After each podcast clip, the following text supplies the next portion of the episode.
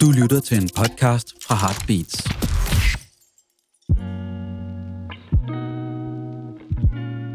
Du er noget værd, når du gør noget godt. Når du udretter noget, så er du god som menneske, eller noget værd som menneske. Rigtig meget af stress og perfektion og præstationskultur, det ligger så virkelig meget på den her konstante sammenligning med andre.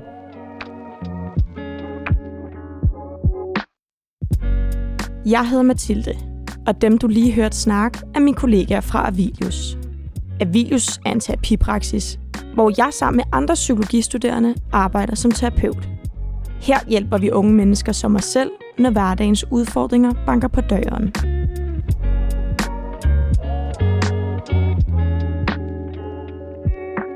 Jeg kan selv have svært ved at jonglere livets mange valg, og føler mig ofte tynget af altid at skulle stræbe efter at være den bedste udgave af mig selv.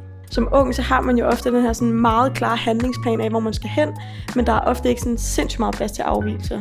I den her podcast inviterer jeg dig derfor med ind i et rum, hvor vi terapeuter deler refleksioner om de temaer, vi ofte støder på i arbejdet med vores klienter, og som på mange måder vækker genklang i vores eget liv. Hvis du spørger mig en mand, der efter undervisning, hvor jeg ikke har noget at lave, så tror jeg, at der føler jeg mig forkert i at være ung.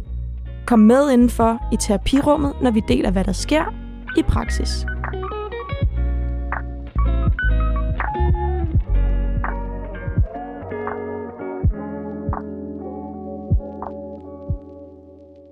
Og i forhold til tema, som jeg tænkte, vi kunne snakke om i dag, så bliver det måske sådan lidt bredt, men det er sådan stress, præstationskultur og måske lidt perfekthedskultur.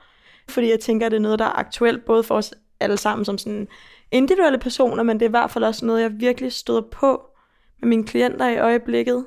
At der er rigtig mange, der kommer ind og bruger den der vending med, jeg føler mig stresset, eller jeg har stresssymptomer. Jeg ved ikke, om, om I har samme opfattelse? Jo, helt sikkert. Jeg havde faktisk en snak om det på mit andet arbejde i dag. Om hvor, hvor vildt det er, at stress og stresssymptomer går helt ned til folkeskolen nu. Folk under 15 har allerede sådan eksistentiel angst Ja, og stress. Og, Ja. ja. og der kommer folk ind til mig med, med fysiske symptomer. Altså, jeg har hjertebanken om aftenen, jeg kan ikke falde i søvn, øhm, min krop kører, jeg glemmer at spise frokost, den slags ting. Det synes jeg er en, øh, en glidebane, eller sådan, det, det er en vild udvikling. Og det kan nogle gange være nøjeren, fordi det virker som om, der er blevet snakket om det her, altså siden, jeg kan i hvert fald huske, at det blev snakket om allerede, da jeg var i slut folkeskole, ikke? Og det virker som om, det bare er gået en vej siden.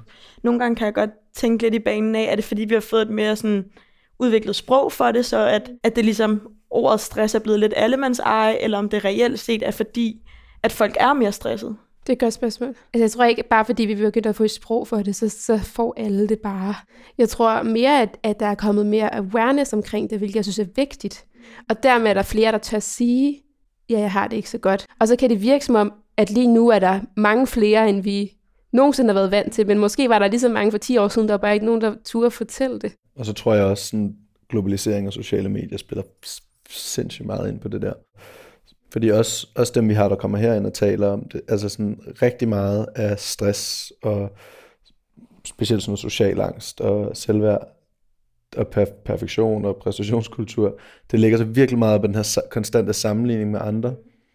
Og jeg tænker sådan, hvis man tænker tilbage, øh, inden sociale medier, altså da vores forældre var unge, og selv bare da vi var helt små, så dem du sammenlignede med, det var ligesom din peer group, det er dem i skolegården, eller dem på arbejdsmarkedet, eller sådan. og selvfølgelig så er der nogen, der klarer sig bedre der, sådan rent fagligt, eller nogen, der er lidt mere populære, eller nogen, der er bedre til fodbold. Men det der spring i sammenligning er lige så stort, som det er i dag, fordi i dag skal du sidde og sammenligne dig med folk på Instagram, og som har som allerede har en rap-karriere som 18-årig eller professionel. Sådan, ens netværk for, hvem man sammenligner sig med, tror jeg også bare er bredt ud til at være sådan helt, altså noget, som vi slet ikke som mennesker kan forholde os til. Det tror jeg er virkelig rigtigt. Altså sådan, det er virkelig én ting af det. Men jeg tror også bare, der er helt vildt meget noget med, at, at ja, vi bliver ikke rigtig lært nogen steder, hvornår vi er elskværdige, eller hvornår vi er noget værd. Og sådan kvæg vores karaktersystem, og den måde, vores folkeskole og gymnasie er bygget op på, så bliver vi sådan skolet lidt til, at du er noget værd, når du gør noget godt. Altså når du udretter noget, så er du øh, god som menneske, eller noget værd som menneske. så jeg kan godt forstå, hvis, hvis det bliver stressende, for så skal vi jo hele tiden gøre noget for, at der er nogen, der vil elske os. Og det er jo et kæmpe overarbejde. Og, og fordi vi jo har glemt, at, at vi er jo helt vildt meget værd at elske ved bare at være. Så det er som om, at, at vi er gået fra, og det, det bliver lidt sådan lidt catchy det her, men jeg synes, jeg hørte en sige det, jeg synes, det gav virkelig god mening, at vi er gået fra at være human uh, beings til human doings. Og altså sådan, jeg synes bare, det giver så god mening med de klienter, der kommer ind til mig, hvor, de, sådan, hvor jeg spørger dem sådan, men hvad, hvad kan du godt lide ved dig selv? Eller sådan, hvis du skal fortælle mig sådan, hvad, hvad er dig? Eller sådan, hvad står du for? Så bliver det meget sådan i actions, de beskriver det. Om jeg er god til fodbold, eller jeg er god til matematik, og sådan, om, jamen, hvem er du? Eller sådan, hvad, Hvad er du ud over det, du præsterer Præcis. på en eller anden måde? Fordi vi, Lige jo, præcis. vi bliver det, vi præsterer jo. Det, det er sådan, man også, altså sådan, folk præsenterer sig selv, og det er jo også på en eller anden måde det, vi lægger en stolthed i, hvad folk laver, eller bare hvad man selv laver, og ja, det er nærmest er blevet sådan lidt hipt at have travlt, altså fordi det betyder, at du virkelig er noget, du udretter noget, Præcis. du gør noget. Det er så, jeg har bare så mange klienter, der fortæller, at de stresser over, at de skal udrette noget hver dag. Så det, der kan stresse dem mest, det er om søndagen, hvor de ikke har nogen planer, og de kan se på Instagram, at alle andre har planer, fordi så har de jo ikke været noget værd den dag. Og det, det så kan jeg, jeg kan bare så godt forstå, men så, men så får det pres. Jeg, jeg kan mærke det selv, altså det påvirker også mig selv. Altså sådan, shit, jeg synes, jeg synes, der er meget, man skal leve op til på den måde. I psykologiens verden bruger man ordet peer group til at beskrive den gruppe af mennesker, vi omgås med til daglig. Personerne i vores peer group ligner os, når det kommer til interesser, alder, baggrund eller social klasse, og påvirker, hvad vi føler, mener og tænker. Ja, og igen så snakker det ind i det der med sådan, med ens peer group er blevet meget bredere. Altså fordi at man, du kan altid gå ind på Instagram og se nogen, der laver noget, som måske du selv vil sige er sjovere end det, du laver. Ligesom det med, at man kan have en fredag aften alene derhjemme, og egentlig have det pissehyggeligt, og ligge og se en film eller sådan noget, og lige så snart man så tager sin Instagram op, eller man ser i en eller anden Facebook-gruppe, at folk er ude, som man egentlig troede, man skulle blive inviteret til at tage ud med, så kan det lige pludselig ødelægge hele ens aften. Og så det der, der ellers var så hyggeligt før, det er bare blevet fuldkommen påvirket af, øh, ikke at føle sig god nok, og ikke føle sig som en del af de der miljøer. Og, så jeg tror, det handler sygt meget om det der med, at det har jo altid været sådan, der har altid været nogen, der har taget ud en fredag aften, hvor hvis du fandt ud af det bagefter, havde du måske været sådan, åh, oh, det gad jeg egentlig godt have været med til. Men nu bliver vi bare konfronteret med de der ting hele tiden, fordi vi har sådan hele tiden et blik ind til andres liv.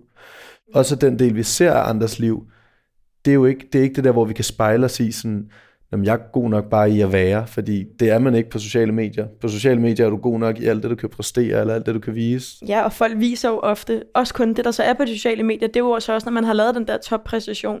Altså hvis man kigger på ja, Instagram, Snapchat, Facebook, LinkedIn, altså sådan, mm. folk poster ting, når de har gjort noget ekstraordinært. Så hvis man endelig sidder en aften og føler lidt, sidder med en følelse af, at jeg er lidt utilstrækkelig i dag, hvis man så også skal kunne dunke sig selv gevaldigt oven i hovedet, så går man jo ind og kigger på alle man kenders toppræstationer på én gang, og får ligesom gravet sig selv ned i et hul af, jeg ligger bare her. Ja, jeg tror også, det er derfor, at, at sådan enkelte gøremål på en dag kan blive meget stressende, fordi det bliver virkelig skrøbeligt at fejle. Fordi hvis jeg fejler, så er det jo mig som menneske, der fejler, så bliver jeg jo, øh, så er jeg jo ikke lige så meget værd, som jeg var, inden jeg fejlede. Og så på den måde, så bliver det at, at tage på uni virkelig stressende, fordi nu skal jeg lige hen og være noget værd som menneske igen, frem for nu skal jeg bare til forelæsning. Det, det synes jeg i hvert fald, det snakker jeg både med mine klienter om, og det er også noget, jeg selv oplever. Ja, og så er der også derfor, nu siger du det der med at tage på uni, og igen skulle være noget værd, at det tror jeg helt sikkert også er forstærket nu. Men i sig selv, så er uni jo også sådan en social arena, og det er folkeskolen og arbejdet og sportsklubberne. Det har altid været ligesom de her sociale arenaer, hvor man på en eller anden måde smider noget på, eller man skal præstere noget, og sådan, vi er jo også sociale væsener, som altid gerne vil accepteres, og være en, blive mødekommet, og være en del af de der fællesskaber, der er. Men hvor før i tiden, der det der med at kunne trække sig hjem, der den der sociale arena bliver ligesom opløst, og du har tid til derhjemme lige at sådan falde til ro, være i dig selv, og måske tid til at fordybe dig i dig selv, og begynde at forstå og lære dig selv at kende. Men den der del, hvor du ikke er i nogen sådan der ekstern social arena længere, den er jo ikke, den er ikke tilstedeværende overhovedet i samme omfang, som den var dengang, fordi den der arena bliver op, eller den der personlige arena, eller det personlige space, det bliver opbrudt hver gang du får en notifikation. Fordi hver gang du får en notifikation, så skal du lige pludselig tage stilling til dig selv i relation til andre igen. Og du skal svare på en måde, som du gør i den relation, og du skal vise noget. Så sådan, vi er ved at fuldkommen opløse det der space, som jeg egentlig tror er med til at gøre, at vi ikke bliver stresset. Det der, hvor vi kan få lov at lade op og være med os selv. Og jeg tror også, det er derfor, at der bliver mere og mere eksistentielle kriser, fordi hvordan fanden skal vi finde ud af, hvem vi selv er, når vi ikke har noget space til at gøre det, ikke? Ja, men præcis. Det er virkelig sjovt, altså det der med, at der, der er en helt, altså de der gamle teoretikere, vi, vi læser om øh, Ja. på, øh, på psyk, altså sådan, de snakker jo alle sammen omkring det der med at have en eller anden form for sådan dekobling til verden, hvor man lige kan sådan lade op. Det, det er faktisk forsvundet. Fuldkommen. Altså sådan den del af hele sådan teorien er forsvundet. Selv, selv nu, når folk så tager på sådan en uh, off-the-grid-tur, det er sjældent, den er off-the-grid. Der er altid en af dem, der er taget med, som stadig er på sociale medier, for det meste i de der ture, som skal dokumentere det er off-the-grid. Så det er ikke off-the-grid, så gør du det jo ikke engang for dig selv længere, så gør du det igen for sådan noget, du skal vise til andre. Ikke? Um, Men så bliver det jo en stressfaktor. Altså det Ja. der med, at lige pludselig kan man jo også blive stresset over, at andre folk er i stand til at trække sig og lade op, fordi man så sidder derhjemme og tænker, okay, jeg jeg, jeg burde faktisk også tage tiden af til den her selvudvikling og rumme mig selv. Så bliver det jo at rumme sig selv og slappe af lige pludselig også en præstation. For nu kan jeg heller ikke finde ud af at slappe af og være lige så meget i kontakt med mig selv, som de kan. Så det bliver jo lidt sådan en, ja, en illusion. At afkoble sig fra verden betyder at fjerne sig fra det sted, hvor vi sammenligner os med andre. For eksempel er det at scrolle på Instagram ikke afkobling, fordi det konfronterer os med alle andres fantastiske liv. Modsat det at male et billede eller svømme en tur i havet, hvor det ikke er muligt for os at sammenligne og måle vores liv op mod andres.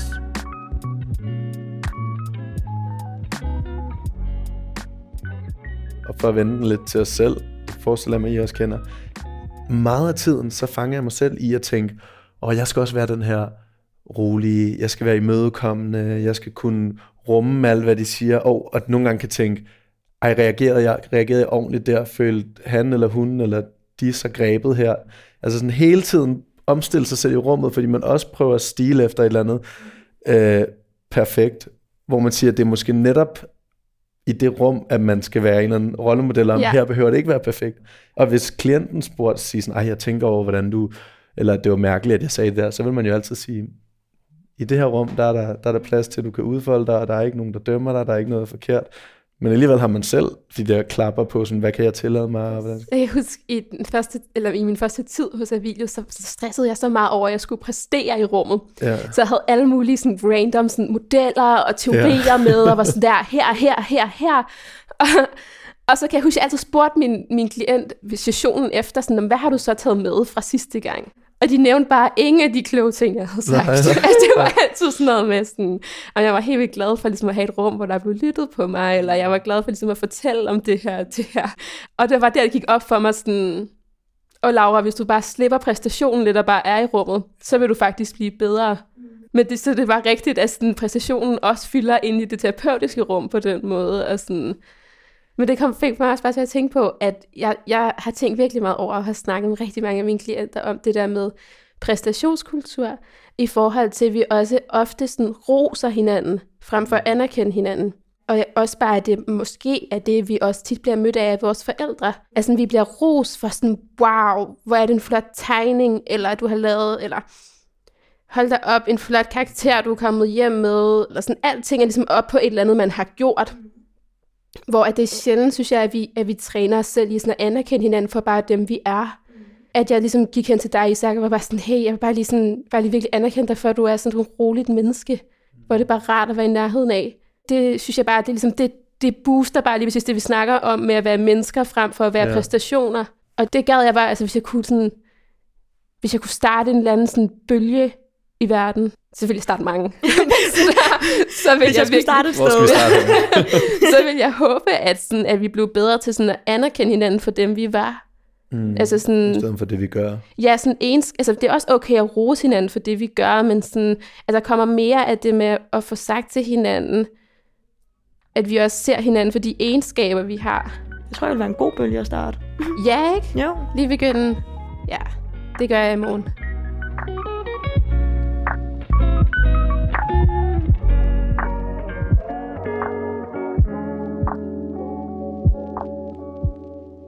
Men har I nogle specifikke måder? Fordi nogle gange kan jeg ikke lade være med at tænke på, når der så kommer nogen og siger det her med, at jeg føler mig stresset, eller jeg føler, at jeg skal præstere, så synes jeg også nogle gange måske, det er lidt svært at tilgå, fordi hvordan får man folk til sådan at skrue ned i et samfund, hvor alt går så hurtigt? Altså, at det nogle gange kan føles lidt som om, det er jo uden for vores, ja, hvad siger man, magt, på en eller anden måde at kunne styre det der med, skal jeg så bare være typen, hvor alt går lidt langsommere, end jeg kan se alle andre spurter forbi mig. Altså, hvordan man, ja, hvordan vi kan hjælpe med det. Altså, jeg har virkelig god erfaring med så at arbejde med, apropos det, jeg sagde før, med sådan præstation kontra egenskaber. Mm. Sådan at arbejde med, hvilke egenskaber er du stolt af? Mm. Det jo simpelthen være, jeg er ret stolt af, at jeg er et meget øh, optimistisk menneske, for eksempel. Det, det kan være det. Og så arbejde med sådan, hvordan kan vi få øh, ting ind i din hverdag, der minder dig om det, der, øh, der husker dig på det. Det kan også være, at man er, at man er glad for, at man er et meget roligt menneske. Jamen, så skal vi gøre mere af det, sådan så at vi, at vi også husker at prioritere os selv på baggrund af at vi gerne vil værne om, om de egenskaber, vi har, og hvad vi står for, frem for, jamen, jeg er bare på et ræs mod det her 12-tal, og der er ikke nogen, der kan stoppe mig, agtig. Og sådan, ja, for, for at vente lidt ind i det, der vi snakker om øhm, før, med at vi måske ikke har nok tid til sådan selvfordybelse, synes jeg nogle gange er et lidt forkert ord, fordi det kan, også sådan, eller det kan også komme til at lyde som sådan lidt self-rumination, hvor man bare sidder sådan og kører rundt i sit eget hoved, men det der med tid til lige sådan at at overveje nemlig sådan, hvad er mine kvaliteter, og hvad er det egentlig, jeg gerne vil. Selv bare det at give os tid til lige at finde ud af, jamen, hvad er egentlig mine kvaliteter i det her? Hvad har jeg egentlig behov for, hvis jeg sådan sætter mig ned alene og lige kigger på det? Altså selv bare sådan nogle små ting som det, føler jeg alligevel kan, kan rykke ret meget. Jeg oplever også i samtalerne herinde, at det er tit, det er tit der, det starter. Altså sådan, at det, det virker som nogle ret trivielle spørgsmål, hvor man tænker, det burde man måske have stillet sig selv, men tit kan det ligesom kræve, at man tager lidt mere alvorligt, eller at der er nogle andre, der stiller det til en, hvor man virkelig begynder at overveje sådan, ja, det er måske en værdi, jeg har at være mere rolig. Men, men på mange måder tænker jeg også, at, sådan, at og det kender man jo nok også lidt for sig selv, at det giver jo sindssygt god mening også det her med at finde ud af, hvor ligger mine sådan, menneskelige kvaliteter også, hvordan kan jeg fremme dem i hverdagen, men samtidig hvis jeg tænker tilbage på mit eget liv, så er der også bare sådan noget helt strukturelt i, at for eksempel vi er fanget i et skolesystem i 10 ja. år. Lad os sige, at du ikke er god til at gå i skole. Så får du altså bare det at vide hver dag i 10 år, fordi du får det 0,2, og konsekvent for at vide, at du er det her tal. Så der kan det måske være svært at sige, er du mega god til at være kreativ? Bare sådan noget som at være kreativ. Noget, der er mega negligeret, ikke? Jo, jeg tror også, det er Imran, Imran Rashid. Han, han arbejder med sådan øh, mærkbar frem for målbar. Og det bruger jeg også rigtig meget inde i mit rum. Øh, for eksempel, hvis man har eksamenslæsning, så i stedet for at sige, at jeg skal læse 10 timer om dagen, det bliver sådan et målbart faktor. Så hellere at sige, at jeg skal læse, indtil jeg kan mærke, at min krop ikke kan mere. Det er en mærkbar. Altså det der med sådan hele tiden, i stedet for konstant at putte noget op på sådan målbare faktorer, der ligesom er meget sådan præstationsorienteret, som jeg sådan træne og, og mærke, giver det her mening for mig, hvornår jeg er træt, hvornår jeg er sulten, hvornår jeg lige brug for et break. Øh, fordi der er helt sikkert et tidspunkt, hvor vi sidder i skolesystemet og synes, at det hele er virkelig øh, langt ude. Og så på den måde mærke efter, sådan, hvad kunne jeg så have brug for lige nu? For ligesom at, så har jeg brug for, at når jeg så skal hjem fra skole, så skal jeg hjem og tegne, for eksempel. Fordi det er det, jeg kan mærke, er, giver mening. Forfatter Imran Rashid er en af de mange frontfigurer bag de sidste års oprør mod præstationskulturen. Han mener, at ting, der kan måles, som vores karakterer, bankkonto eller højde, er usunde at bygge et selvværd op på. Fokuserer vi i stedet på det mærkbare, har jeg det godt, er mit liv i balance, føler jeg mig tryg, giver vi os selv en sundere ramme at hænge selvværdet op på. Tit, når man, når man har folk inde med hvad end det er at snakke om stress, eller depression, eller angst, eller selvværd, så er, er det rigtig tit relateret til det her med grænsesætning. Og det der, som, som du sagde, Laura, at hvis man ikke hvis man ikke føler, at man selv er noget værd inden for et givet område måske, så føler man måske heller ikke sine grænser er lige så meget værd.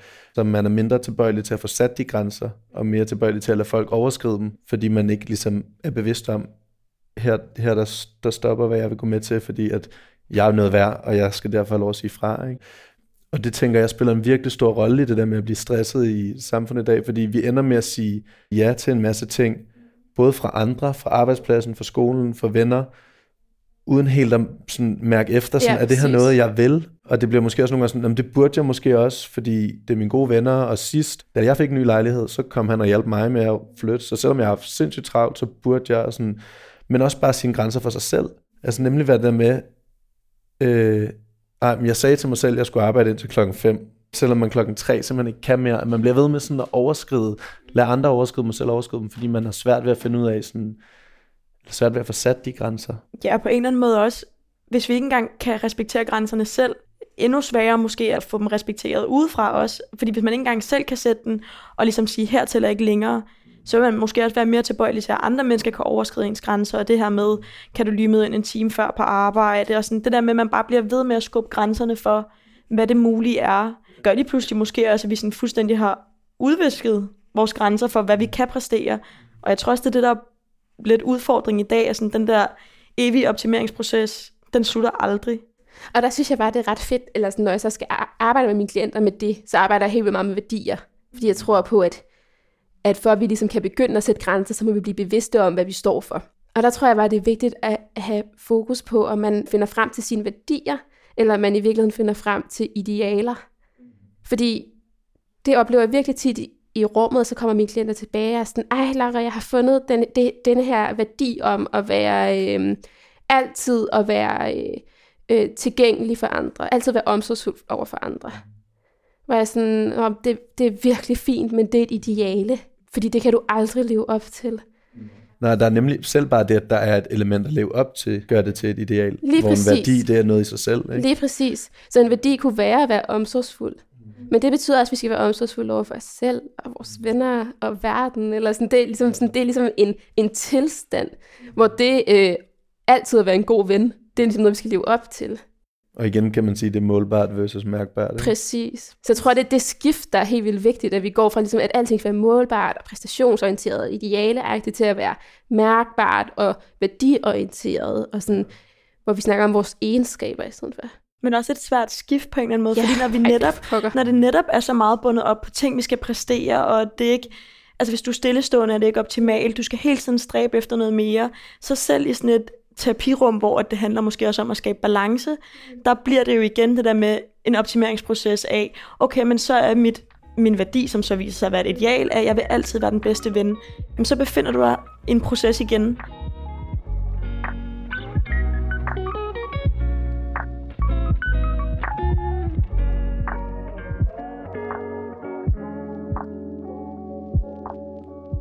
Har sådan en mega griner historie, eller sådan nu, nu lyder sådan noget, exposer lidt mig selv, eller sådan, men jeg, øh, jeg sad sådan for nogle måneder siden, ligesom, og havde det faktisk som den måde, du forklarede på, Isak, med, at man havde set på Instagram, ligesom, at nogle venner var ude og tænkte, jeg var da en del af den gruppe, ja. eller sådan, hvad sker der her? Ja. Og så, øh, så satte jeg mig ligesom ned, og så var jeg sådan, okay, nu vil jeg ligesom tælle, hvor mange venner jeg har. Altså nu vil jeg ligesom tælle, ligesom, okay Laura, hvem vil komme til din fødselsdag? Og det viser bare så fint, hvordan jeg går direkte i det målbare. Okay, jeg må måle, hvor meget jeg er værd som ven, frem for at mærke, okay, mærker jeg har nogle gode, tætte veninder og venner? Ja, det har jeg. Det kan jeg mærke i min mave. Der. Så det er egentlig ligegyldigt, om jeg har 1, 3 eller 10 jo. Altså det, at jeg mærker, at jeg elskede nogle venner og veninder, er jo det vigtige. Men fordi jeg er så meget sådan i præstationstilstand, så er jeg sådan, okay, jeg skal ligesom have 8, der vil komme til min fødselsdag. -agtigt. Ja. Giver det mening? ja. Mega Ja. meget mening. Det giver mange, jeg synes også, der er noget i sådan, ej, og det skal man overhovedet heller ikke generalisere. Øhm, fordi det er jo selvfølgelig også, vi har også forskellige behov, alt efter hvor meget, hvor meget vi skal stimulere os af i forhold til, hvor mange relationer og sådan noget, vi har behov for. Men jeg synes alligevel, der er noget i det der med, jeg tror nogle gange, det kan være sådan, jo mindre ligesom mættende relationer man har, jo mere kan man måske have en tendens til at finde en masse relationer, eller sådan deltage i en masse, måske fordi man ubevidst søger efter den der mættethed. Og når jeg siger mættethed, så mener jeg sådan, jeg, jeg tror egentlig, også sådan, hvis man ser sådan rent evolutionært, øh, sådan biologisk har vi ikke, altså det er ikke fordi, vi har et behov for at have et netværk med 5.000 Facebook-venner, eller hvor meget det er. Altså det, det, det er egentlig rigeligt at have en eller to eller tre rigtig tætte relationer. Og det kan man tit glemme, at man er sådan, så ser man nemlig folk på Instagram eller Snapchat eller et eller andet, eller Facebook, som har sådan nogle, du ved, de, har, de er som om, de er til alle fester hele tiden, og man kan sådan være sådan, ej, folk må bare elske den her person. Men jeg tror også, man skal tænke over sådan, igen det der, hvad er det egentlig, jeg søger? Fordi sådan, tit er der meget mere værdi i de der få, virkelig, virkelig omsorgsfulde, tætte relationer. Og igen det der med sådan, hele tiden at mærke efter og stille spørgsmålstegn ved, når man ser ting på Instagram eller sociale medier, eller hvor det er. Altså sådan, og ikke fordi man skal dømme nogen for at have en masse venner, det er da også fantastisk, men i hvert fald nogle gange mærke efter selv, sådan, jamen, hvad er det egentlig, mit behov er? Jeg har, jo, jeg har egentlig hygget mig i mit eget selskab herhjemme med at se den her film. Havde jeg egentlig overhovedet behov for at tage til den fest, som de andre til, eller er det bare fordi, at jeg er bange for, at jeg er udenfor, eller sådan? Ikke? Men det er jo også, altså det bliver jo, det der kan være lidt spøjs ved det, er jo det der med netop at mærke sit behov. Altså, jeg har faktisk overraskende mange gange oplevet det her med, at folk udtaler sådan, jeg føler mig ensom, hvorfor gør du det? Jamen, jeg har jo kun én ven.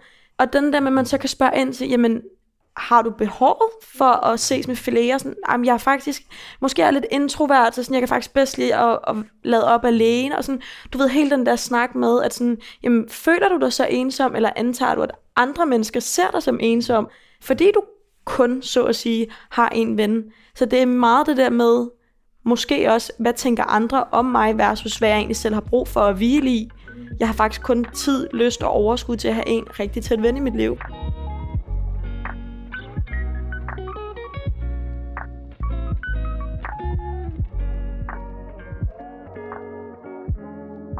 Var det os, der snakkede om den der kvartvejskrise? Ja, Det var det. Ja, jeg, synes jeg, for det føler jeg meget sådan, taler ind i det der. Ja. Og sådan, den oplever jeg virkelig også selv. En tanke om det der med sådan, led jeg op til det potentiale, jeg havde, da jeg var den og den alder.